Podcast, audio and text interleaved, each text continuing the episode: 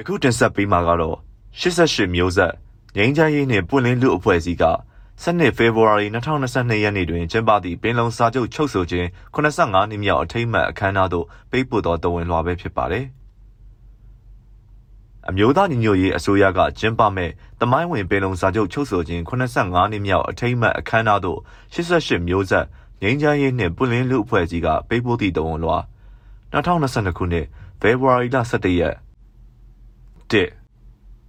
1948ခုနှစ်ဖေဖော်ဝါရီလ12ရက်နေ့တွင်ပင်လုံညီလာခံမှတဆင့်သဘောတူညီခဲ့ကြသည့်တမိုင်းဝင်ပင်လုံစာချုပ်ချုပ်ဆိုခဲ့ကြသည်မှာလာမည့်2022ခုနှစ်ဖေဖော်ဝါရီလ12ရက်နေ့တွင်85နှစ်ပြည့်မြောက်တော်မူဖြစ်ပါသည်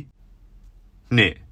မြန်မာနိုင်ငံသည်လွတ်လပ်ရေးရပြီးချိန်မှစ၍ပင်လုံစာချုပ်တွင်ပြည်ထောင်စုညီနောင်သားချင်းများမျှော်လင့်ခဲ့ကြသည့်စစ်မှန်သော Federal ပြည်ထောင်စုနိုင်ငံတော်တရက်တစ်ဖြစ်မြည်သည့်အခါကမှယက်တည်နိုင်ခဲ့ခြင်းမရှိခဲ့ပါ။ ခေတ်အဆက်ဆက်တွင်ဘေလုံစာချုပ်ချုပ်ဆိုသည့်ဖေဖော်ဝါရီလ12ရက်နေ့ကိုပြည်ထောင်စုနှင့်အဖြစ်အနှစ်သာရကင်းမဲ့စွာလှည့်စားကျင်းပလာခဲ့ကြသည်ပဂတိအရှိတရားတွင်မူပင်လုံစာချုပ်ပါပင်လုံဂရိကုဝတ်များကိုဖြည့်ဆည်းရန်ပြက်ကွက်ခဲ့ကြ၍ပြည်ထောင်ဘက်ညီနောင်သားချင်းများ၏အခွင့်အရေးများဆုံးရှုံးခဲ့ရပြီးပြည်တွင်းစစ်ရှေ့ချခဲ့ရပါသည်3ခေတ်အဆက်ဆက်တွင်ထို့သောအနှစ်သာရကင်းမဲ့သည့်ပြည်ထောင်စုနေများကိုကျင်းပခဲ့တော်လဲ ပြည်ထောင်ဘက်ညီနောင်သားချင်းများလိုလားတောင်းတသည့် Federal စနစ်ကိုမူအကောင့်ထဲပေါ်ရန်ပြက်ကွက်ခဲ့ကြသည်ဝန်လေးခဲ့ကြသည် Federal ဟူသောဝေါ်ဟာရကိုပင်အပြောမခံနိုင်အောင်ဖြစ်ခဲ့ကြသည်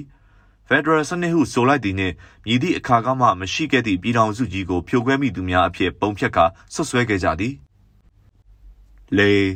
ယခုအချိန်အခါအကြမ်းဖက်အာဏာသိမ်းစစ်ကောင်စီသည်နိုင်ငံသူနိုင်ငံသားများ၏လူအခွင့်အရေးနှင့်ဒီမိုကရေစီကိုပြောင်ပြောင်တင်းတင်းချိုးဖောက်ကာအကြမ်းဖက်ဖမ်းဆီးတပ်ဖြတ်မှုများပြည်သူအသက်အိုးအိမ်စည်းစိမ်များကိုဖျက်ဆီးခြင်းများတိုင်းရင်းသားနယ်မြေများတွင်အလွန်အကျွံစစ်အင်အားဖြင့်ထိုးစစ်ဆင်ခြင်းများကိုနေ့စဉ်ရက်ဆက်ကျူးလွန်လျက်ရှိပြီးပြည်သူများမှရရာနီလန်းများဖြင့်ကုကံတော်လှန်၍စစ်မှန်သောဖက်ဒရယ်ပြည်ထောင်စုတရက်တည်ထောင်နိုင်ရန်ကြိုးပမ်းနေကြခြင်းဖြစ်သည်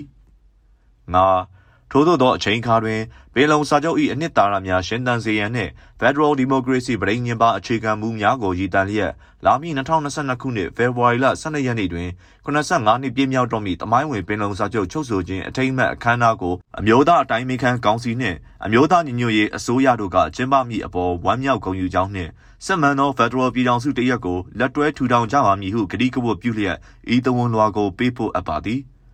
ပင်လုံစာချုပ်ဂရိတီ Federal Democracy ပြည်ထောင်စုစီအာဏာရှင်စနစ်အမြင့်ဖြတ်မီဒေါ်လန်ရေးတစ္ဆာဖြင့်88မျိုးဆက်ငိမ့်ချမ်းရေးနှင့်ပွင့်လင်းလူအဖွဲ့အစည်းယခုတင်ဆက်ပေးခဲ့တာကတော့ဖေဖော်ဝါရီလ17ရက်2022ခုနှစ်ရက်စွဲဖြင့်အမျိုးသားညီညွတ်ရေးအစိုးရကကျင်းပမည့်တမိုင်းဝင်ပင်လုံစာချုပ်ချုပ်ဆိုခြင်း85နှစ်မြောက်အထိမ်းအမှတ်အခမ်းအနားသို့88မျိုးဆက်ငိမ့်ချမ်းရေးနှင့်ပွင့်လင်းလူအဖွဲ့အစည်းကပေးပို့သည့်တဝန်လွှာပဲဖြစ်ပါတယ်ကျွန်တော်ကတော့ຫນွေဦးမောင်ပါ